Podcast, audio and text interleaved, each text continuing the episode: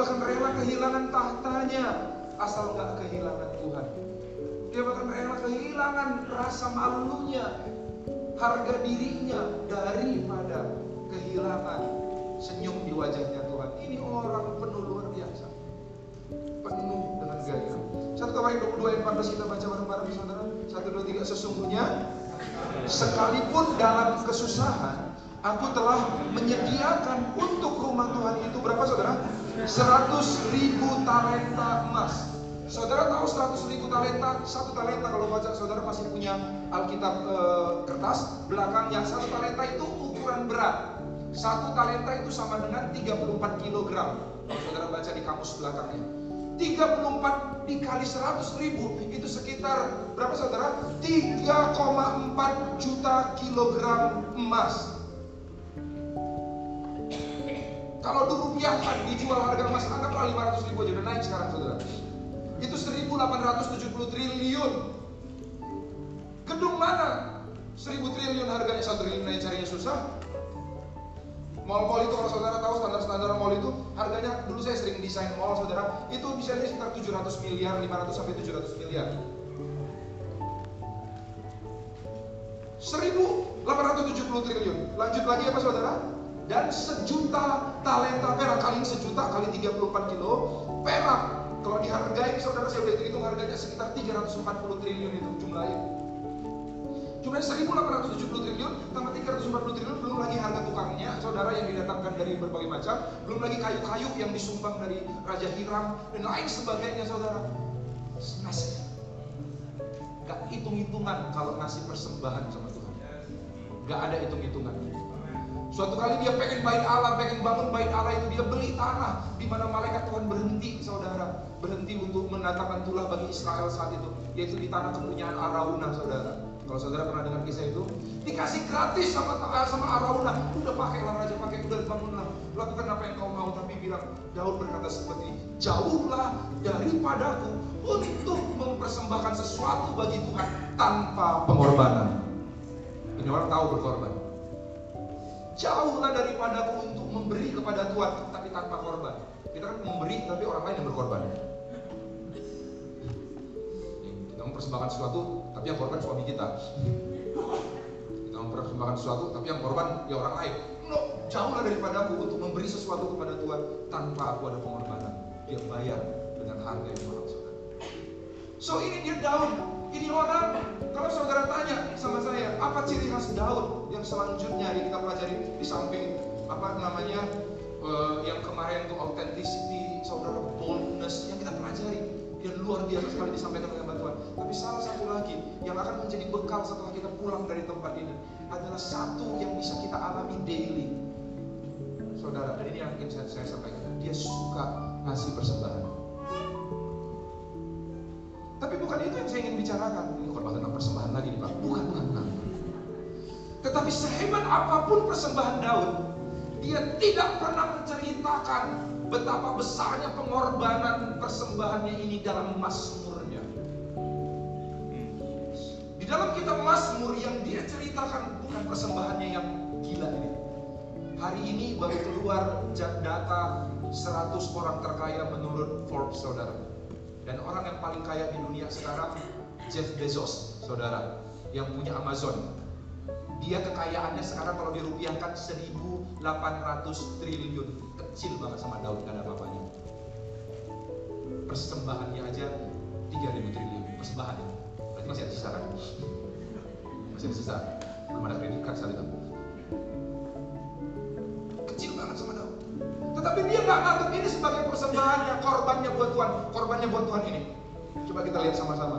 Mazmur 51 ayat 1. Mazmur 51 ayat yang ke-1. Dan saya harap saudara punya, bisa saudara mendengar khotbah ini, miliki hati yang penuh ekspektasi saudara, bahwa Tuhan akan bicara sesuatu buat saudara. Amin saudara? Mazmur 51 ayat 1 bilang gini, untuk pemimpin biduan Mazmur Daud ketika Nabi Nathan datang kepadanya setelah ia jatuh dalam dosa dia menghampiri Bathsheba. Dia bersinah dengan Bathsheba. Dia katakan kasihanilah aku ya Allah menurut kasih setiamu. Hapuskanlah pelanggaranku menurut rahmatmu yang besar. Dan di ayat 17 perhatikan nih kalau di Indonesia di ayat 19 bahasa Inggrisnya ayat 17 di dikatakan Yunus 1 ayat 17 ayat 19 korban 17 sebelumnya. Kita baca bareng-bareng satu dan satu dua tiga. Korban sembelihan kepada Allah ialah jiwa yang hancur. Hati yang patah dan remuk tidak akan kau pandang hina. Ya ternyata satu persembahan yang dianggap Daud pantas dicatatkan dalam kitab Mazmur. Persembahan yang terbaik yang dia persembahkan tiap hari. Jauh lebih berharga daripada ribuan triliun yang dia kasih sama Tuhan yaitu hati yang hancur. Makanya saya tema saya buat hari ini adalah tentang brokenness. Tentang hati yang hancur. Hati yang hancur wajib dimiliki. Siapa yang rindu diberkati Tuhan? Tapi katakan siapa yang rindu hidupnya berbahagia dan bermakna? Kami katakan suatu kali Yesus ngomong gini di dalam Matius pasal yang kelima ayat yang keempat. Matius pasal yang kelima ayat yang keempat Yesus berkata seperti dalam khotbahnya di bukit berbahagialah orang yang apa saudara berduka cita. Karena mereka akan dihiburkan. Ternyata satu ciri orang yang berbahagia satu ciri orang yang yang diberkati kalau bahasa Inggrisnya blessed. Artinya diberkatilah. Tetapi sebenarnya kalau dalam bahasa asli itu tetap tepat memang bahasa Indonesia yaitu berbahagia bermakna hidupnya penuh hidupnya. Apabila apa saudara? Apabila kita memiliki rasa duka. Apa itu hati yang hancur itu atau brokenness atau rasa duka itu apa? Sama seperti rasa duka. Duka itu adalah rasa kehilangan. Akibat seseorang yang pergi mungkin selamanya saudara. Itu duka saudara. So demikian juga hati yang hancur adalah hati yang berduka, hati yang dengan gampang dengan cepat bisa merasa kehilangan. Saya ulangi, cepat merasa kehilangan, dia cepat sadar bahwa ini gak berkenan di hadapan Tuhan yang aku lakukan ini. Kayaknya aku lari menjauh dari Tuhan nih sekarang. Kayaknya ini aku aku sedang sedang berkelok-kelok jalan, nggak ngikuti jalan lurusnya Tuhan. Itu sebabnya waktu dia jatuh dalam dosa dengan Bathsheba, dia permintaan cuma satu, dia katakan Tuhan, jangan ambil rohmu daripadaku. Jangan buang aku dari hadiratmu. Itulah hati yang hancur. Nah kita butuh hati yang hancur ini karena Tuhan ingin kita berikan korban persembahan tiap hari. Maka kita butuh hati yang hancur tiap hari. Apa itu hati yang hancur? Hati yang gampang berduka. Hati yang gampang cepat ngerasa ada alarmnya dengan cepat berkata, Dek, kayaknya Tuhan gak senang. Kayaknya kayaknya aku lagi kehilangan rencana Allah. Aku lagi kehilangan, aku lagi menjauh dari visi Allah. Hancur. Hati yang hancur. Siapa yang mengerti ini? Kata Amin. Dan Tuhan suka. Dan justru inilah kunci hidup berbahagia. Dan bahkan kunci pertumbuhan adalah hati yang berduka ini. Coba boleh next. Next dikatakan seperti ini. Nanti nanti next. Sekali lagi. Dikatakan seperti ini. There is no growth without change. Atau tidak ada pertumbuhan tanpa perubahan. Setuju saudara? Kalau nggak berubah nggak mungkin bertumbuh. Dan tidak ada perubahan tanpa kehilangan. Saudara nggak mungkin berubah kalau nggak ada yang saudara lepas. Kalau nggak ada yang saudara lepas, berarti tetap sama-sama aja. Tak ada perubahan tanpa kehilangan. Tidak ada kehilangan tanpa rasa sakit. sakit. Nggak ada rasa sakit tanpa duka dan kehancuran. So kehancuran adalah esensial. Penting banget untuk pertumbuhan kita. Orang yang nggak punya hati yang hancur, bahkan bertobat pun dia nggak bisa. Kalau nggak bertobat, boro-boro mau bertumbuh. Yang ngerti kan? Jadi yang mesti kita bawa sepulang dari ini ada sikap hati Daud yang gampang banget punya hati yang hancur. Dia terus prediksi. Waktu suatu kali ada ada tiga triwiranya saudara yang pergi mendengar dengar bisikan Daud yang lagi nyeletuk lagi lagi haus saudara lagi haus dia bilang dia bukan minta Kalpiko water saudara enggak dia bilang seandainya aku bisa minum secangkir air saja dari perigi Bethlehem saat itu perigi Bethlehem lagi di sumber Bethlehem lagi dikuasai oleh orang Filistin dan mereka lagi hidup di gua Cuma dengan tukang Daud aja orang-orang yang mencintai Daud Triwira pergi saudara. Dia babat habis itu pasukan Filistin saudara. Dengan berdarah-darah mereka ambil itu air saudara. Satu mangkok doang. Mereka taruhkan nyawa untuk menyenangkan hati Daud. Begitu dia bawa ke Daud saudara. Daud mau minum saudara. Dia sadar hati yang hancur. Dia bilang mana mungkin aku minum air dari hasil cucuran darah kalian. Yuk kita sama-sama persembahkan buat Tuhan. Dia tidak mau meletakkan dirinya di atas Tuhan, saudara. Yang berhak terima korban terbaik hanya Tuhan. Dia ambil altar, dia jadikan air itu korban curahan buat Tuhan. Ini hati yang hancur. Dia alarmnya cepat gitu untuk mengetahui apa gitu Tuhan. Tuhan lagi berduka. Dia gak mau kehilangan Tuhan sama sekali. Ngerti kata-kata Amen. Ya. So tidak ada. Pertumbuhan itu penting saudara.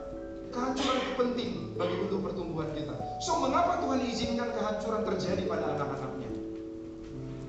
Tapi jangan salah mengerti. Bukan berarti Tuhan yang dengan sengaja menghancurkan orang. Seringkali kita juga dihancurkan oleh kesalahan-kesalahan kita sendiri. Tetapi apa pun kehancuran yang kita alami, apa pun kehancuran yang kita alami, baik-baik saudara, Tuhan bisa pakai itu saudara. Tuhan bisa pakai itu untuk mendekatkan diri kita padanya dan memberi pertumbuhan kepada kita. Iblis memang mereka-rekakan yang baik. Tapi Tuhan, eh mereka-rekakan yang apa saudara? Yang jahat. Tapi mengubah Tuhan mengubahnya menjadi apa saudara? Ya saudara, mengapa Tuhan izinkan kehancuran terjadi pada anak-anak? Yang pertama, Tuhan izinkan rasa hancur untuk menarik perhatian kita padanya. Saya ulangi, Tuhan izinkan anak Tuhan mengalami rasa hancur hati kehancuran untuk menarik perhatian kita. Coba uh, sebelumnya saudara uh, si uh, Jess sebelumnya ya ya C.S. Lewis dia berkata seperti ini God whispers to us Tuhan berbisik kepada kita di tengah-tengah sukacita kita. Dia bicara kepada kita di dalam hati nurani kita. Tetapi dia teriak kepada kita di tengah-tengah kehancuran kita atau luka kita. Seringkali di tengah-tengah kebahagiaan agak susah dengar Tuhan benar saudara? Untuk dengerin hati nurani dia bicara tapi kita sering kali butuh suara yang lebih keras kadang-kadang di saat di tengah-tengah duka Tuhan itu lagi teriak sama kita.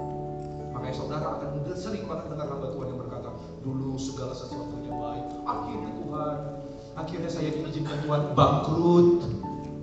Bangkrutnya lagi teriak benar kan saudara ya? Dulu semuanya baik-baik saja sampai akhirnya saya mengalami duka ini. Saya kehilangan istri saya saya kehilangan anak saya saya kehilangan rumah saya. Tuhan lagi berteriak sama dia. Hati yang hancur baik untuk pertumbuhan gak peduli apakah kehancuran akibat kesalahan kita atau karena keadaan atau yang lain nanti kita akan bicarakan hal ini apa sih cara Tuhan untuk membentuk kita menghancurkan kita yang ke yang kedua, saudara Tuhan mengizinkan kehancuran untuk mendatangkan kebaikan bagi kita. Amin, saudara. Roma 8 ayat 28 berkata seperti ini. Kita saudara tahu, nggak usah ditayangin ayatnya juga saudara tahu. Kita baca bareng-bareng. Satu, dua, tiga. Kita tahu sekarang bahwa apa? Allah turut bekerja dalam segala sesuatu untuk mendatangkan kebaikan bagi mereka yang mengasihi Dia, yaitu bagi mereka yang terpanggil sesuai dengan rencana Allah. So Tuhan izinkan kehancuran. Untuk apa saudara? Untuk mendatangkan kebaikan buat kita. Saya waktu dengar kisah Yusuf, dia tolong juru roti dan juru minum, dia terjemahkan mimpi mereka. Benar gak saudara? Lalu dia wanti-wanti sama mereka. Kalau engkau udah keluar nanti, ingat aku ya. Cerita-ceritain lah, kau kan orang dekatnya raja. Juru minum itu kalau zaman dulu, itu orang kepercayaannya raja. Nehemia itu juru minum saudara. Kenapa? Karena dia harus ngetes dulu minuman. Karena raja zaman dulu kan pengen dikudeta terus saudara. Itu berbahaya banget posisinya. Diracun atau gimana. Siapa yang minum lebih dulu saudara? Si juru minum. Semuanya saudara. Jadi ini orang yang rela mati buat rajanya saudara. So dia katakan akhirnya juru juru minum itu uh, akhirnya diangkat, dikembalikan posisinya dari penjara saudara. Setelah ditolong oleh Yusuf dengan mengartikan mimpinya. Ingatkah dia saudara kepada Yusuf? Nah, berapa lama tahu? Berapa lama saudara? Dua tahun dia gak ingat. Bagi kita yang, bagi Yusuf mungkin saat itu, loh, ini kehancuran. Ini gue dilupakan, gue nggak diingat. Segala segala jerih lelah gue, gue udah capek-capek layani dia, tapi dia begitu, dia lupain gue. Tapi enggak di mata Tuhan enggak apa yang Tuhan lihat beda dengan apa yang kita lihat, akan saudara. Dia dua tahun dipertahankan di penjara dan setelah dua tahun dia tolong juru minuman, baru mimpi rajanya bahwa apa saudara? Bahwa ada tujuh lembu kurus lembu gemuk, saudara. Dan dia bingung artinya apa, saudara. Barulah teringat juru minum. Hah, dulu aku pernah mimpi diterjemahkan oleh Yusuf. Bayangkan kalau dua tahun yang lalu Juru minuman langsung minta Yusuf dibebaskan sama raja. Dia bebas dua tahun yang lalu. Begitu raja mimpi, nggak tahu lagi dari Yusuf di mana. Saudara, apa saya? So Tuhan pertahankan dia di penjara dua tahun, sehingga begitu mimpinya dapat, masih ada di situ gampang nyarinya. Seandainya dia udah bebas dua tahun lalu, gue yakin Yusuf udah ke mana-mana. Balik ke Israel lah, atau ke mana lah dia? Bagi kita keburukan, bagi Tuhan apa saudara? Ya ngerti kita kenapa saudara? Ya Tuhan menghancurkan kita, bikin kita mengalami ketidakadilan dan lain sebagainya dengan satu tujuan untuk bawa kebaikan bagi kita. So menghancurkan, kehancuran itu baik. Yang ketiga saudara, yang ketiga, kenapa Tuhan izinkan kehancuran? Tuhan mengizinkan kehancuran untuk mempersiapkan kita untuk kekekalan. 2 Korintus 4 ayat 17 bilang gini. 2 Korintus 4 ayat 17 sampai 18. Tuhan sedang mempersiapkan kita untuk kekekalan dan yang paling penting itu adalah keserupaan dengan Kristus. Keserupaan dengan Kristus. Karena yang ada di rumah haruslah anak. Haruslah anak. Kita harus punya gambaran anak itu. Jadi Tuhan di dunia selama kita di dunia makanya Tuhan nggak pengen bikin kita nyaman. Tuhan pengen ubah kita jadi serupa dengan gambaran anaknya. Kenapa? Karena di sorga udah nyaman. Sorga itu usia kita 70 tahun. Sorga itu anggaplah kan kalau selama-lamanya agak gak kebayang gitu ya. Anggaplah itu 7 triliun tahun gitu. Saudara tahu kebayang ya kira-kira ya? Itu itu terbatas. Sebenarnya kalau kekekalan itu selama-lamanya gak ada hentinya. Saudara, usia kita cuma 70 tahun. Kebayang gak saudara? 70 tahun dibanding 70 triliun tahun. Saudara anggap seperti itu. Kalau memang kita membatasi kekekalan. Di kekekalan kita udah nyaman. So di dunia waktunya bukan untuk nyaman-nyaman lagi. Waktunya untuk apa saudara? Diubah oleh. Karena kalau mau cari nyaman aja, waktu saudara dibaptis, saya baptis saudara 10 menit. Kan yang ber, kalau bertobat terima Yesus pasti masuk surga, benar nggak saudara ya? Saya baptis dalam nama Bapa Putra dan Roh tahan aja 10 menit. Begitu udah nggak ada lagi gelembung udaranya naikin, salam dia katakan selamat datang dalam kerajaan Allah, benar nggak saudara? Kerajaan Allah kan begitu. Nyaman, udah pasti nyaman semuanya. Tapi kenapa saya pengen cepat-cepat tarik, saya baptis orang, saya cepat-cepat tarik dia ke depan. Kenapa saudara? Karena inilah waktunya dimulai. Inilah perjalanan dimulai. Perjalanan apa? Menjadi keserupaan, keserupaan dengan Kristus. Amin. Amin saudara. Karena Tuhan ingin persiapkan kita untuk satu. Dua Korintus 4 ayat 17 bilang ini. Sebab penderitaan ringan yang sekarang ini. Saudara kalau dengar ringan kayaknya ringan. Ringan yang dimaksud Paulus adalah dipatok ular berbisa, tenggelam di laut, dianiaya, dicambuk 40 kali kali dua, saudara, dan lain sebagainya, saudara. Itu itu, saudara. Dihina, dicaci maki, dan akhirnya mati, saudara. Itu penderitaan ringan, oke? Kita baca bersama-sama. Sebab apa?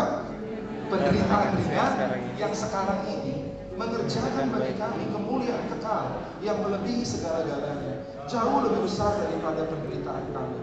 Sebab kami tidak memperhatikan yang kelihatan, melainkan yang tak kelihatan. Karena yang tak yang karena yang apa saudara? Kelihatan adalah sementara yang tak kelihatan adalah jadi ternyata di dalam hidup ini ada yang kelihatan ada yang nggak kelihatan. Yang kelihatan itu sementara yang tidak kelihatan itu kekal coba lihat dompetnya kelihatan nggak saudara? Kalau dikit isinya katakan sama dompet itu apa saudara? Kelihatan sementara. Karena yang kelihatan apa saudara kelihatan kekal kalau kalian pun banyak duitnya nggak usah sombong. Sama-sama katakan juga apa saudara? Sementara, selama kelihatan. Coba lihat kiri kanannya ganteng cantik saudara. Coba sama-sama tegur dia. Bilang apa saudara? Kalau masih kelihatan cantik atau ganteng bilang apa? Sementara. Jangan sombong, nggak boleh sombong. Sementara. Ya. Amin saudara. Karena yang yang kelihatan itu sementara. Yang nggak kelihatan. Coba bangun yang nggak kelihatan. Yang hancur itu nggak kelihatan. Itu menghasilkan karakter yang kekal. Yang nanti kata kami saudara. Kita berikan tepuk tangan buat Tuhan kita saudara. So, sama-sama katakan saya berduka itu baik. Berduka itu baik. Sama-sama katakan saya berduka itu baik. Berduka itu baik. Boleh cepat-cepat, boleh ditayangkan ayat dengan cepat ya. Mazmur 119 ayat 71. Saya butuh ayat yang lebih cepat. Mazmur 119 ayat 71. Berduka itu baik. Kita baca sama-sama 1 2 3 bahwa aku tertindas itu baik bagiku supaya aku belajar ketetapan-ketetapanmu. Sama-sama katakan berduka itu baik. Ratapan 3 ayat 21. Ratapan 3 ayat 21 sampai 30. Ratapan 3 ayat 21. Kita baca bersama-sama. 1 2 3. Tetapi hal-hal inilah yang ku perhatikan. Oleh sebab itu aku akan berharap. Tak berkesudahan kasih setia Tuhan, tak habis-habisnya rahmatnya. Selalu baru tiap pagi, besar kesetiaanmu. Tuhan adalah bagianku, kata jiwaku. Oleh sebab itu, aku berharap kepadanya. Ayat 25, Tuhan adalah baik bagi orang yang berharap kepadanya, bagi jiwa yang mencari dia. Ayat 26, adalah apa? Baik menantikan dengan diam pertolongan Tuhan. Ayat 27 adalah apa? Baik bagi seorang pria memikul kuk pada masa mudanya. Biarlah ia duduk sendirian dan berdiam diri kalau Tuhan membebankannya. Biarlah ia merebahkan diri dengan mukanya dalam debu. Mungkin ada harapan. Biarlah ia memberi pipi kepada yang menamparnya. Biarlah ia kenyang dengan cercaan. Adalah baik. Berduka adalah baik kan? Berduka adalah Baik. Nah suatu kali Daud mengalami pengalaman di mana dia jatuh dengan Bathsheba dan dampaknya agak panjang. Dampaknya adalah dia ditegur oleh Nabi Nathan dan dia keluarkan mazmur yang diperdengarkan kepada seluruh Israel untuk pengakuan dosanya. Lalu hamillah si Bathsheba saudara, lalu lahirlah anak. Anak kalau zaman sekarang disebut anak haram. Saya nggak setuju anak haram, bapaknya yang haram saudara. Ya, kan bapaknya yang dosa, anaknya yang disalahin, bapaknya yang mamanya yang haram nih. Mereka yang yang dosa nih saudara-saudara. Tetapi ya itu orang-orang menyebutnya itu anak yang lahir di luar nikah saudara. Lalu lahirlah anak itu dan sakit-sakitan. Akhirnya apa yang dilakukan Daud? Daud begitu sayang kepada anak itu. Saudara mungkin pernah punya anak, saudara. Saya saya beberapa kali membayangkan karena begitu saya lagi lagi apa namanya lagi lagi bulan madu nih dengan anak-anak saya dengan Shan dan Samantha saudara. Saya nggak kebayang kalau seandainya saya kehilangan mereka. Waktu saya mempersiapkan khotbah ini, saya kebayang rasa duka kalau seandainya saya kehilangan anak. Saya mendengar kesaksian Rick Warren juga di mana dia kehilangan anaknya. Saya aduh, dia benar-benar hancur hati saya orang yang setangguh, sekuat dia, dia bisa bisa bisa begitu hancur hati saudara. Waktu saya saya membayangkan itu, saya dapat ayat ini saudara. Daud saat itu kehilangan anak, anak yang baru ditimbangnya saudara. Dan ini ada yang terjadi saudara. 2 Samuel 12 ayat 6 ayat 16. Dia begitu dekat dengan Tuhan. Dan saya mau bawa kabar baik buat saudara. Kedekatan saudara dengan Tuhan tidak meloloskan engkau dari kehancuran. Kehancuran hati maksud saya. Daud begitu intim, gak ada yang lebih dekat dari dia di Alkitab sama Tuhan. Tapi dia mengalami kehancuran hati. 2 Samuel 12 ayat 16 dikatakan seperti ini. Lalu Daud karena anak itu udah lahir dan sakit ya saudara ya. Lalu Daud memohon kepada Allah oleh karena anak itu. Ia berpuasa dengan tekun dan apabila ia masuk ke dalam semalam malaman itu ia berbaring di tanah. Saudara lihat bagaimana cintanya dia ini sama anaknya. Ayat 17 maka datanglah kepadanya para tua-tua yang di rumahnya untuk meminta ia bangun dari lantai. Tapi ia nggak mau. Ia juga tidak makan bersama-sama dengan mereka. Pada hari yang ketujuh matilah anak itu. Dan pegawai-pegawai Daud takut memberitahukan kepadanya bahwa anak itu sudah mati. Sebab mereka berkata, ketika anak itu masih hidup, kita telah berbicara kepadanya, tapi ia tidak menghiraukan perkataan kita. Bagaimana kita dapat mengatakan kepadanya anak ini sudah mati? Jangan-jangan dia mencelakakan dirinya. Belum mati aja anaknya dia udah berduka dengan parah. Apalagi kalau tahu udah mati. Saudara. Ayat 19. Ketika Daud melihat bahwa pegawai-pegawainya berbisik-bisik, mengertilah ia bahwa anak itu sudah mati. Lalu Daud bertanya kepada pegawai-pegawainya, sudah matikah anak itu? Jawab mereka sudah. Lalu Daud bangun dari lantai, ia mandi dan berurap dan bertukar pakaian. Ia masuk ke dalam rumah Tuhan dan sujud menyembah. Sesudah itu pulanglah ia ke rumahnya dan atas permintaannya dihidangkan kepadanya roti lalu ia ia makan. Sebelum mati anaknya dia nggak makan, udah mati makan dia.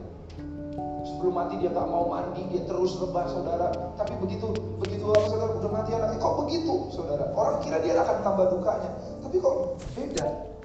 Ayat 21 Berkatalah pegawai-pegawainya kepadanya Apakah artinya hal yang kau perbuat ini? Oleh karena anak itu masih hidup Engkau berpuasa dan menangis Tetapi sudah anak itu mati Engkau bangun dan makan Ayat 22 Jawabnya Daud berkata seperti Inilah respon orang Yang hatinya hancur Di hadapan Tuhan Selagi anak itu hidup Aku berpuasa dan menangis karena pikirku Siapa tahu Tuhan mengasihani aku Sehingga anak itu tetap hidup tetapi sekarang ia sudah mati. Mengapa aku harus berpuasa? Dapatkah aku mengembalikannya lagi? Aku yang akan pergi kepadanya, tapi ia tidak akan kembali kepadamu. Saudara bisa lihat nggak respon yang luar biasa dari Daud ini? Orang yang telah develop hati yang hancur senantiasa di hadapan Tuhan, dia bisa merespon yang baik terhadap keadaan, saudara. Saat itu saudara apa yang terjadi? Kalau kita lihat kata-katanya saudara, Lihat pertumbuhan Daud, saudara. Daud ini bertumbuh akibat dia develop hati yang hancur senantiasa di hadapan Tuhan. Dia dia menganggap bahwa Tuhan lebih penting dari segalanya. Dia nggak mau kehilangan Tuhan. Dikatakan seperti ini, saudara. Di ayat 22 tadi jawabnya selagi anak itu hidup aku berpuasa dan menangis karena pikirku siapa tahu Tuhan mengasihi aku sehingga anak itu tetap hidup. Tetapi sekarang ia sudah mati. Mengapa aku harus berpuasa? Dapatkah aku mengembalikannya lagi? Yang pertama, saudara, yang pertama, respon dari orang yang hancurnya hati, hancur hatinya saudara, segala tragedi kehidupannya justru membawa dia semakin tunduk pada kedaulatan Tuhan. Aku berusaha berpuasa, berdoa, tapi kalau enggak, kalau enggak kembali, kalau aku enggak dapat yang aku inginkan, aku enggak protes, aku enggak komplain, aku enggak pindah gereja, aku enggak tahan perpuluhan dan lain sebagainya, saudara. Yang aku lakukan apa, saudara? Aku enggak dapat mengembalikan. Aku mau tunduk pada kedaulatan Tuhan. Agak berbeda. Karena sering kali kita tunduk kepada Tuhan dengan tujuan supaya Tuhan mengabulkan seluruh keinginan kita. Tapi tunduk yang benar adalah kita tunduk kepada Tuhan untuk kita bisa memenuhi semua keinginannya. Makanya saya katakan doa tidak pernah mengubah Tuhan. Doa mengubah kita. Karena Tuhan udah punya rencana yang begitu baik dalam kehidupan kita. Kita mungkin belum menemukannya. Dan yang kita lihat belum tentu itu kehendak Tuhan, saudara. Makanya doa Kristus adalah, ayo datanglah kerajaan di bumi seperti saudara. Kita rindu kehendaknya jadi. Jadi doa kita bukan mengubah kehendak Tuhan. Doa kita adalah untuk memahami kehendak Tuhan dan membuatnya terjadi di bumi seperti di surga. Amin saudara. Tunduk. Dia semakin tunduk pada Tuhan. Tunduk pada kedaulatan Tuhan saudara. Dan saya ngedapatin gini, coba ulangan 29 ayat 29. Daud gak ngerti saudara jujurnya. Ada hal-hal yang kita nggak mengerti lewat duka cita, lewat tragedi kehidupan, lewat masalah yang alami. Banyak hal yang kita nggak ngerti kenapa terjadi, saudara. Tetapi saya saya dapatin suatu kali ayat ini, ulangan 29 ayat 29 kita baca bareng-bareng 1 2 3. Hal-hal yang tersembunyi ialah bagi Tuhan Allah kita, tapi hal-hal yang dinyatakan ialah bagi kita dan bagi anak kita sampai selama-lamanya. Supaya apa? Kita melakukan segala perkataan hukum Taurat ini. So Tuhan menyisakan hal-hal dalam hidup ini yang tersembunyi tidak semua bisa kita ketahui, tidak semua kita bisa mengerti, tidak semua kita bisa pahami. Dia sisakan hal-hal yang tidak kita mengerti tersembunyi. Dengan tujuan supaya kita melakukan segala perkara, supaya kita tunduk pada kedaulatan. Aku yang ngatur bukan kamu. Ini agendaku, bukan agendamu. Ini kehendakku. Biar itu jadi dalam kehidupan. Tuhan mengisahkan ada hal-hal yang sembunyi, ada hal-hal yang dinyatakan. Tujuannya satu supaya kita melakukan segala perkataan hukum Taurat, supaya kita tunduk pada hukumnya Allah. Dia punya kedaulatan. Dan karena itu saudara, yuk kita semakin kita punya hati yang hancur, kita udah punya hati yang nothing to lose, nothing to prove. Lagi, gak ada yang perlu dibuktikan lagi dalam. Yang kedua, saudara, dikatakan seperti ini oleh Daud di dalam ayat 23. 2 Samuel 12 tadi ayat yang ke-23. Tetapi sekarang ia sudah mati. Mengapa aku harus berpuasa? Dapatkah aku mengembalikannya lagi? Aku yang akan pergi kepadanya. Tapi ia tidak akan kembali kepadaku. Dia yakin banget si anak akan pergi kepada Tuhan oleh karena kemurahan dan kasih karunia Tuhan. Aku yang akan pergi kepadanya. Ia tidak akan kembali kepadaku. Aku yang akan mati dan mendatangi dia. Dan dia yang datang kepadaku. Dan Daud yakin banget bahwa dia akan pergi ke mana saudara? Sorga, satu hal yang telah kupinta kepada Tuhan Itulah yang kue berdiam dalam rumah Bapa Sepanjang masa. Hal yang kedua saudara Kalau kita punya hati yang hancur Tragedi kehidupan Membuat pertama kita makin tunduk pada Tuhan. Yang kedua tragedi kehidupan makin membuat kita Tambah beriman kepada Tuhan. Dia beriman banget si anaknya pasti Nyampe pada saudara. Beberapa waktu yang lalu ada seorang jemaat kita yang datang pada saya. Dia dengar khotbah Pak Lukito jangan sampai kaki dia itu diambil daripadamu dan dia benar-benar tertegur saat itu saudara. Tetapi satu hal dia bingung dia coba doa kayak kering. Dia coba apa namanya saudara? Dia coba uh, nyembah Tuhan baca firman nggak dapat apa-apa saudara. Benar-benar Tuhan itu kayak sembunyi dari dia. Tuhan itu kayak nggak ada bagi dia. Dia bukan nggak mau, dia mau tapi nggak ketemu Tuhan gitu saudara. Jadi dia pernah ngalamin problem seperti itu saudara. Dan dia sampai takut banget, jangan kata dia kata kata kita, jangan sampai kaki dia Tuhan, jangan sampai api Tuhan hadirat Tuhan diambil daripadamu. Dia dia benar-benar ketakutan dan dia telepon saya. Dia telepon saya, Bang Tommy, padahal dia lebih tua dari saya. Tapi pada manggil abang semua tuh. Bang Tommy, ayo yuk ketemuan, yuk ketemuan akhirnya setelah menunda-nunda uh, beberapa waktu karena emang susah nemuin waktunya saudara uh, saya tahu saya bilang sama Pak uh, saya belajar dari Pak Lukito kalau itu bukan masalah bunuh diri ya masih bisa diatur schedule-nya. Tapi kalau masalah bunuh diri baru boleh jangan pernah tunda-tunda langsung datangin. Saya tanya e, kamu gimana? Masih kuat? Masih oke? Okay? ya masih bisa. Yaudah kalau ketemuan langsung hari ini bisa nggak? Oh kalau hari ini aku belum bisa karena masih ada tugas kerjaan. Berarti belum mau bunuh diri oke. Okay. oke okay, saya atur waktu lagi. Saya atur waktu dan akhirnya ketemuan waktu sama dia. Ngobrol lah kami. Baru ketemu melihat muka saya langsung nangis sudah atau muka saya bikin orang nangis? Atau gimana? Muka konfiksi conviction dia nangis di depan saya. Main di mall tuh di tengah mall. Saudara dia bilang bang aku nggak tahu lagi gimana caranya. Aku kehilangan Tuhan.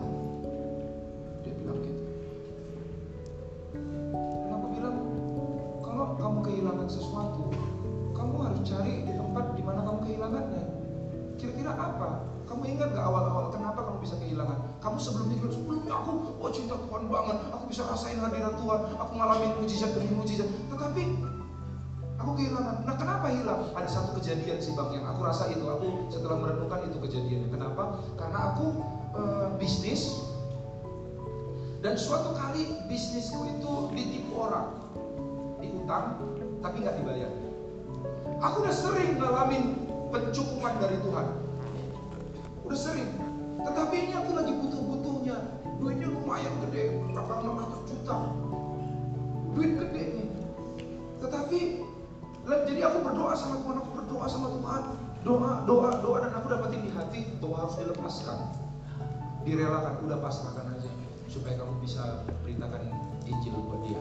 Orangnya dari agama seberang yang nipu dia.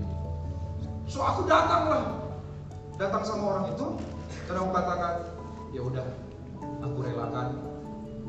Tuhan Yesus memberkati kamu. Orang hebat kan saudara? Ini hebat banget nih orang. Aku relakan, aku ampuni kamu. Tuhan Yesus berkati kamu. Habis dia lepas 600 juta. Di tengah-tengah dia lagi butuh. Dan dia sadar bahwa dia berhasil mentaati Tuhan. Tetapi sejak saat itu dia jadi curigaan sama Tuhan. Dia nggak mau tambah dekat sama Tuhan. Kalau dia tambah dekat sama Tuhan akan sering disuruh gitu-gitu lagi. Disuruh masih utang, disuruh ngasih orang satu miliar. Dia nggak mau, jadi curiga. Saudara nangkap nama saya? Kebayang ya masalah dia ini, saudara ya? So dia curigaan sama Tuhan sejak itu dia mundur. Kalau nyembah Tuhan nggak mau sampai dalam banget. Kalau baca firman nggak mau sampai dapat rema. Saudara nangkap ya? Dia takut Tuhan dulu yang macam-macam. Suruh jual rumah kasih ke gereja, siapa tahu gitu. Disuruh pelihara anak asuh sepuluh orang, aku nggak mau. Dia memang taat, tapi ternyata itu nimbulin luka. Dia dia recognize seperti itu. Saudara kebayang ya, saya maksudnya? So dia luka dan habis itu dia diam. Sejak itu aku kehilangan Tuhan. Sekarang mau balik lagi juga, udah kayak nggak bisa lagi. Ada something problem dengan imannya. Saudara lihat ini.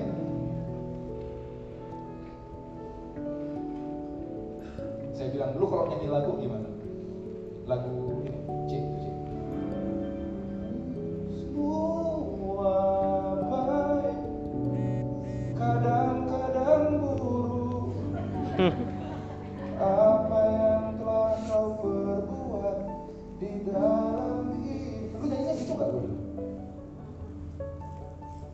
Enggak bang, semuanya baik bang.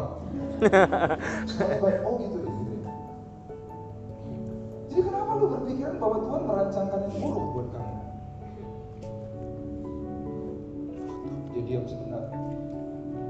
Kamu sombong. Kamu merasa bahwa kamu lebih tahu mana yang baik daripada Tuhan. Saya nggak semua semua orang saya jutek kayak gini ya kalau ngomong gitu ya. Tapi saya saat itu saya harus tegur. Kamu sombong karena kamu ngerasa kamu yang paling tahu yang baik. Kamu tahu yang baik lebih baik daripada Tuhan. Kamu tahu Ayub? Saya ceritain kisah Ayub. Ayub itu sebenarnya nggak perlu panjang-panjang sebenarnya penderitaannya. Dan banyak orang salah mengira bahwa Ayub itu orang yang sempurna, yang gak ada cacat celah gitu saudara. Dan kitab Ayub itu cuma kitab penderitaan iblis, bocok-bocok hidupnya uh, Ayub. Tetapi sebenarnya ada satu yang kurang dalam kehidupan Ayub.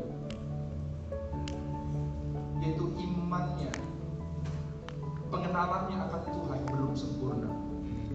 Di awalnya bisa dia kehilangan anak, dia kehilangan harta, bisnisnya saudara dalam satu malam dan istrinya datang dan dia masih memuji Tuhan. Keren banget sih waktu dia masih memuji Tuhan. Keren ini Ayub ini orang paling keren banget saudara.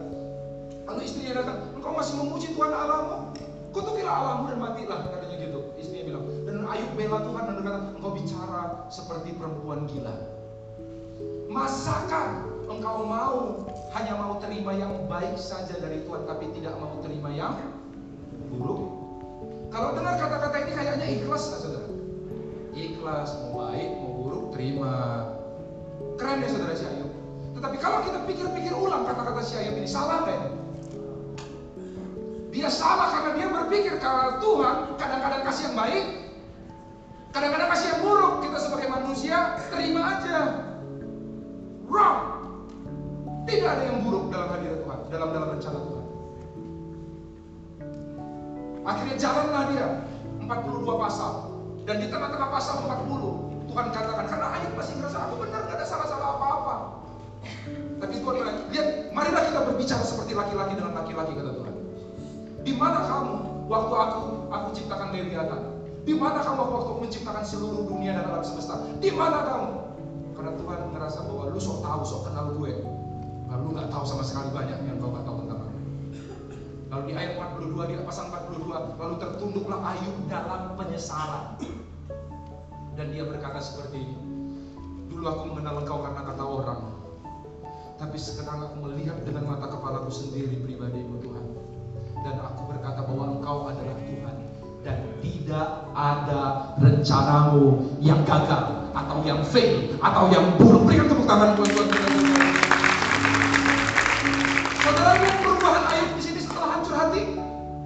Awalnya dia katakan Tuhan kadang-kadang kasih yang buruk, kadang-kadang kasih yang baik. Setelah dia hancur Ya Tuhan, tidak ada rancangannya yang buruk. Hancur hati membuat kita tambah punya iman yang benar terhadap Tuhan. Saya ngomong gitu sama dia, punya iman yang benar. Tidak ada yang buruk dirancangkan Tuhan. Mundur dua langkah, bisa jadi nanti ke depan kau jalan 10 langkah. Hmm.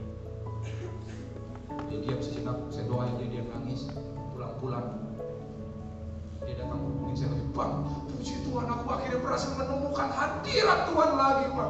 Aku katakan bahwa engkau baik, dia, dia punya pemikiran, pola pikir yang benar. Jadi datang bukan dengan ketakutan sama Tuhan, bahwa Tuhan nanti suruh yang macam-macam. Enggak gitu, saudara. Tetapi datang dengan penuh iman, bahwa kau baik, seluruh yang kau rancangkan itu baik. Tuhan. Habis itu, saudara, dan aku beberapa hari yang lalu lihat ininya abang apa namanya korbannya abang di YouTube tentang iman yang berani? Aku makin berani pak melangkah dengan Tuhan. Dia bilang gitu puji Tuhan boleh saya pakai kesaksian ini untuk sharing? Di partners dan di sini pak. Pakai pak kalau bisa untuk memberkati orang kenapa enggak? Saya mau katakan kalau kau punya pemikiran yang salah punya iman yang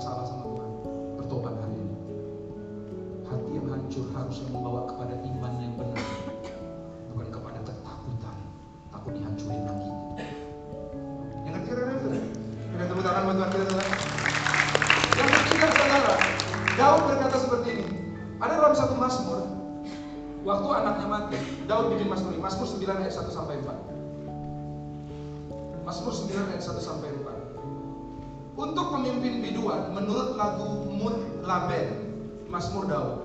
Arti kata mut laben, mut itu artinya mut laben itu artinya mati kematian anak laki-laki, saudara. So ini adalah Mazmur yang dinyanyikan Daud waktu dia mengalami kematian anak laki-lakinya itu. Dikatakan aku mau bersyukur kepada Tuhan dengan segenap hatiku. Aku mau menceritakan segala perbuatanmu yang ajaib. Aku mau bersuka cita dan bersyukur karya karena engkau bermasmur bagi namamu. Bermasmur bagi namamu yang maha tinggi Sebab musuhku mundur tersandung jatuh dan binasa di hadapanmu Sebab engkau membela perkaraku dan hakku Sebagai hakim yang adil Engkau duduk di atas tahta So apa yang dilakukan Daud? Yang ketiga kehancuran Membimbing kita yang pertama makin tunduk sama Tuhan Yang kedua kehancuran hati akan bikin kita makin beriman dengan benar kepada Tuhan Yang ketiga kehancuran hati Membawa kita menjadi pribadi yang penuh syukur Bahkan di tengah-tengah duka sekalipun Daud bisa bersyukur di hadapan Tuhan. Dia bersyukur di hadapan Tuhan. Apa syarat bersyukur? Mazmur Daud lagi terakhir saudara dalam Mazmur 150 di akhir kitab Daud Mazmur di akhir kitab Mazmur dikatakan seperti biarlah segala yang apa saudara bernapas memuji Tuhan. Saudara tahu bahwa syarat memuji Tuhan bukanlah banyak duit di dompet. Syarat memuji Tuhan bukanlah kondisi baik dalam hidup. Syarat memuji Tuhan ternyata Alkitab katakan cuma satu, masih apa saudara? Siapa yang masih bernapas lambaikan tangannya? Masih bernapas? Gak ada alasan untuk gak muji Tuhan. Berikan tepuk tangan buat Tuhan. Gak ada alasan. Gak ada alasan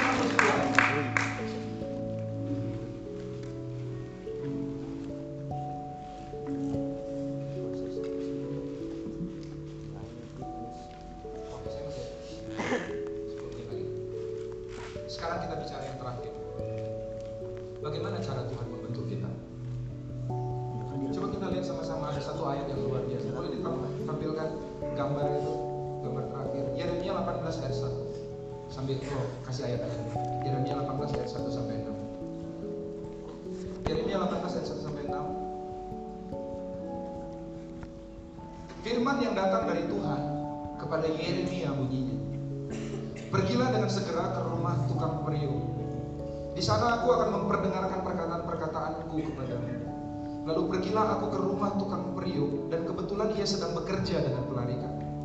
Apabila bejana yang sedang dibuatnya dari tanah liat di tangannya itu rusak, maka tukang periuk itu mengerjakannya kembali menjadi bejana lain menurut apa yang baik pada pemandangannya. Menurut apa yang saudara baik pada pemandangannya.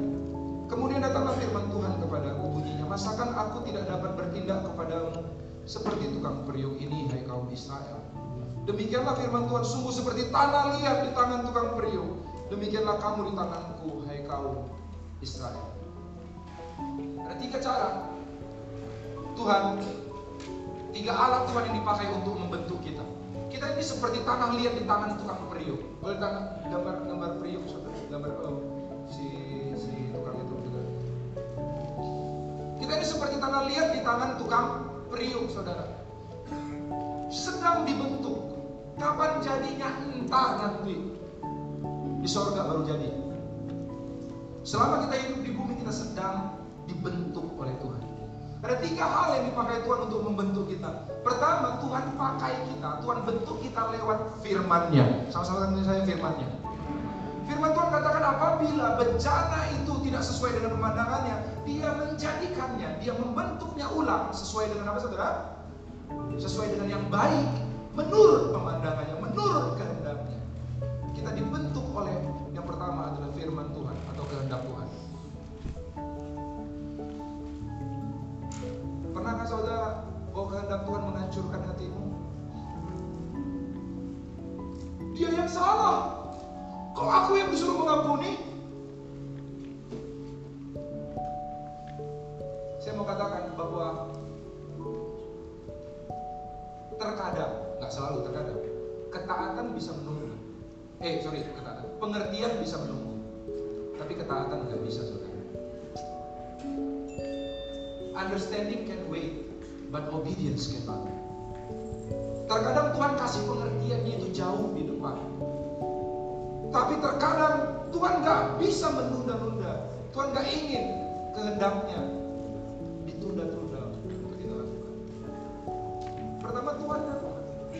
Tuhan aku. Ada banyak hal yang mungkin kita nggak ngerti. Tapi biarlah itu bagian Tuhan. Bagian kita cuma apa saudara? Tunduk. Hal-hal yang tersembunyi bagi Allah, hal-hal yang dinyatakan bagi kita. Tujuannya supaya kita taat pada Tuhan. Aku kurang. Dia kurang juga. Tuhan suruh aku ngasih sama dia. Padahal kalau dipikir-pikir lebih panjang, kurangnya aku dengan kurangnya dia banyakkan kurangnya aku. Miskinan aku daripada dia. Engkau nggak mengerti? Pengertian bisa menunggu, ketaatan nggak bisa nunggu.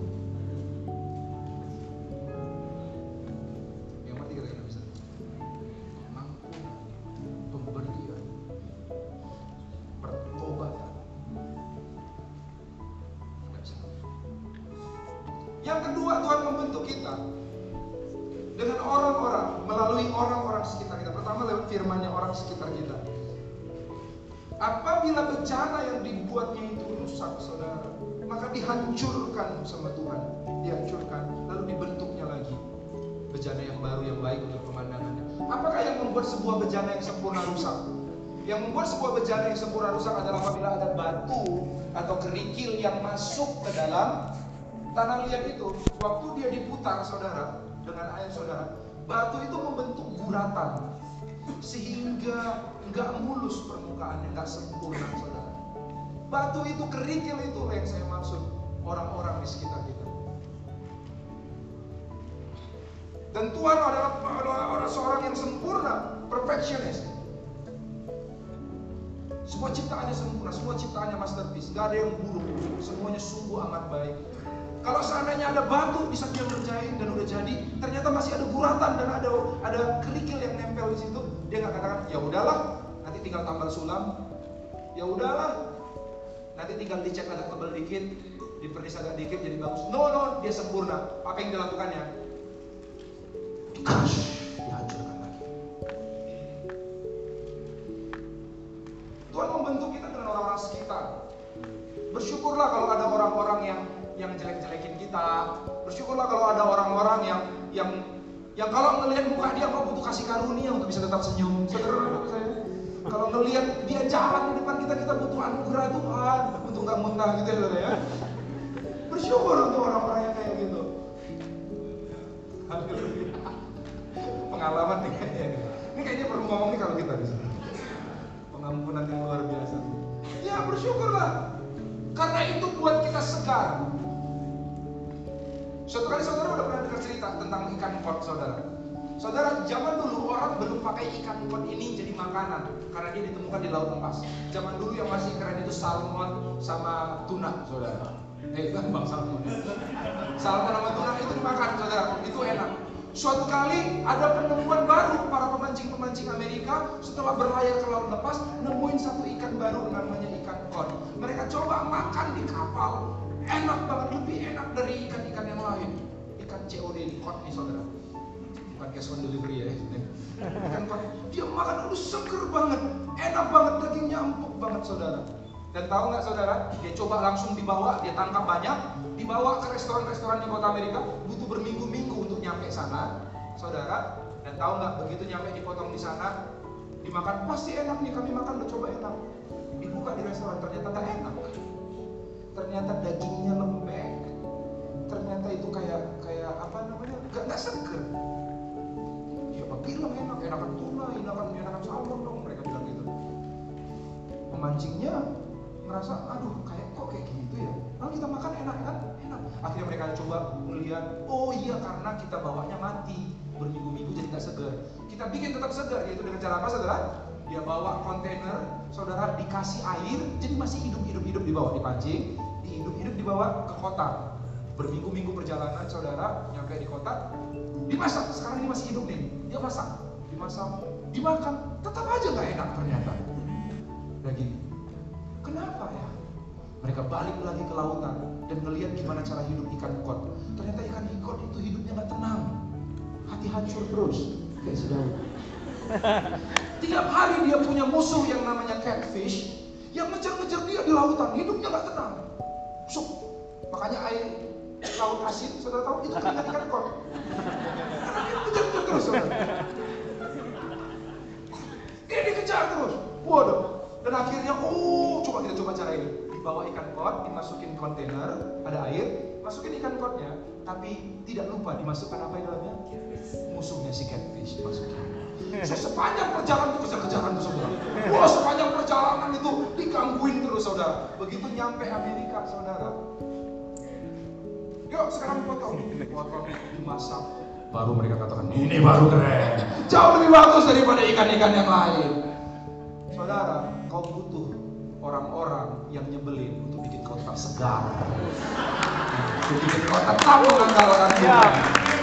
Untuk bikin kau terus punya hancur-hancur kata aku butuh tahu Tuhan, aku butuh kasih karunia. Dan ngerti kata-kata itu saudara? Iya. Dan kalau kau udah segar, siap-siap dipotong. Bukan, bukan itu, bukan itu makna cerita ini.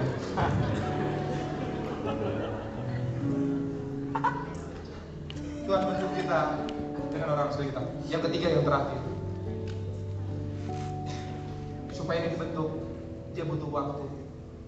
Cara membuat keramik yang baik adalah dia akhirnya dikeringkan di alam luas, dijemur. Sampai keluar semua air-air dan cairannya. Kan kalau masih ada tersisa, ada namanya proses keramik. Ceramic proses. Dimasukkan ke dalam api seribu derajat untuk membuat tanah jadi keramik. Yang ketiga Tuhan membentuk kita lewat keadaan-keadaan. Dia izinkan keadaan-keadaan yang gak enak, yang panas, yang bikin gerah, yang bikin kita pengen cepat-cepat keluar dari keadaan itu. Kalau kalau kau cepat-cepat keluar, nggak sempurna lah keramik yang dihasilkan. Kadang-kadang doa yang terbaik kepada Tuhan adalah doa minta kita punya kekuatan untuk bertahan. Jangan cepat-cepat minta dikeluarkan dari keadaan yang gak enak. Karena sampai keadaan yang gak enak itu buat kita bertumbuh. Di keadaan yang gak enak itu kita tiap hari hancur hati. Menyadari Tuhan, aku membutuhkan Engkau. Makin gak pengen kehilangan Tuhan. Kalau gak ada Tuhan, siapa lagi kekuatanku? Kepada siapa lagi aku berseru? Kepada siapa lagi aku berharap?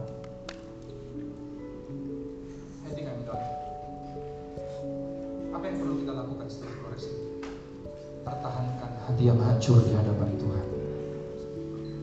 Di saat kau sudah punya alarm dari hatimu bahwa apa yang kau lakukan akan membuat engkau akan akan membuat engkau tidak bisa lagi merasakan kehadiran Tuhan. Akan membuat engkau kehilangan kehendak Tuhan, kehilangan rencana Tuhan. Kalau kau seperti itu, tiap hari kau develop hati yang seperti itu, hati yang hancur, hati yang berduka. Maka Tuhan akan bentuk kita makin tunduk, makin penuh bangkit bersyukur, dipersiapkan kepada kekekalan. Tuhan tidak cari orang-orang yang sempurna. Tuhan cari orang-orang yang bersedia hatinya hancur. Tiap kali disampaikan firman Tuhan, dia bertobat. Dia dengan gampang bertobat. Dengan gampang dia bertobat. Dengan gampang dia tertemplak oleh firman Tuhan. Waktu nyembah Tuhan, dia dengan gampang merasa, Tuhan, aku belum melakukan apa yang lagu ini katakan. Ku renungkan langsung siang dan eh siang. Dia langsung datang lagu biasa aja bisa bikin bawa dia kepada pertobatan. Saudara nakal saya? Inilah yang ku renungkan setiap waktu. Dia datang dengan pertobatan Tuhan, aku pengen punya hati yang kayak lagu itu Tuhan. Dia nyanyikan nanti Tuhan, biar aku nyanyikan lagu ini. Bukan menjadi lagu pernyataan, menjadi menjadi lagu pengalaman, tetapi lagu permohonan bagiku. Ini menjadi lagu imanku bahwa aku setiap waktu akan menyenangkan. Saudara kalau saya, hati yang hancur itu gampang. Gampang untuk Tuhan bicara sama dia. Sama kita bagi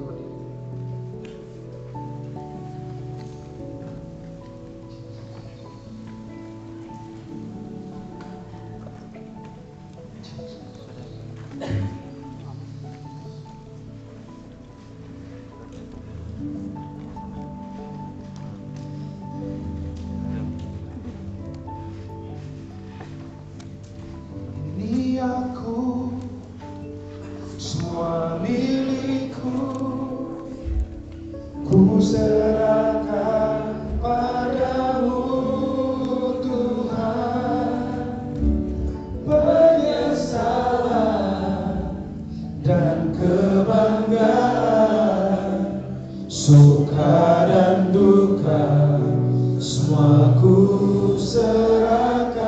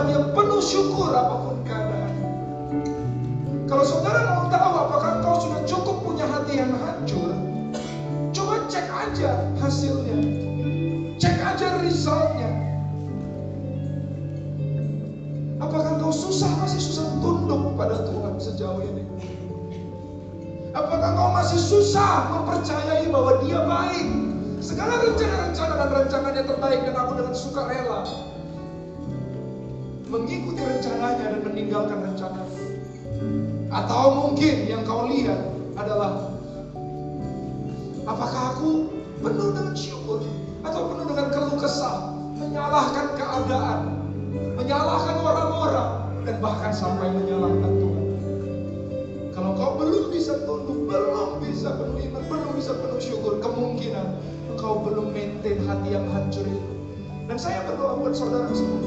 Kalau engkau rindu punya hati yang hancur, jangan pulang dari tempat ini. Kalau engkau nggak punya itu, itu adalah modal bagi kita untuk bertumbuh di luar sana. Itu modal bagi kita. Kalau engkau rindu punya hati yang hancur itu, hati yang hancur yang gampang dijamah Tuhan. Maukah engkau angkat tangan tinggi di hadapan Tuhan?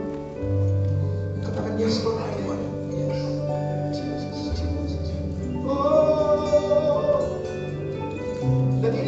Persembahan yang terbaik yang bisa kita berikan sama Tuhan.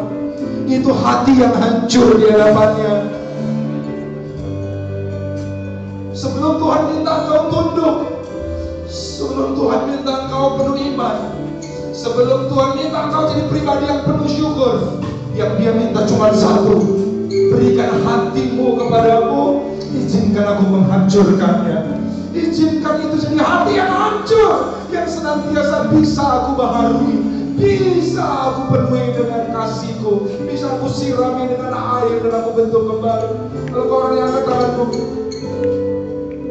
dan sebelum kita mengakhiri, it's okay, it's okay. Kalau kau sudah mengangkat tangan, kita mau sama-sama berdoa mohon hati yang hancur bersama Tuhan kepada Tuhan. Engkau lari maju ke depan, kau maju sampai naik. Ku berserah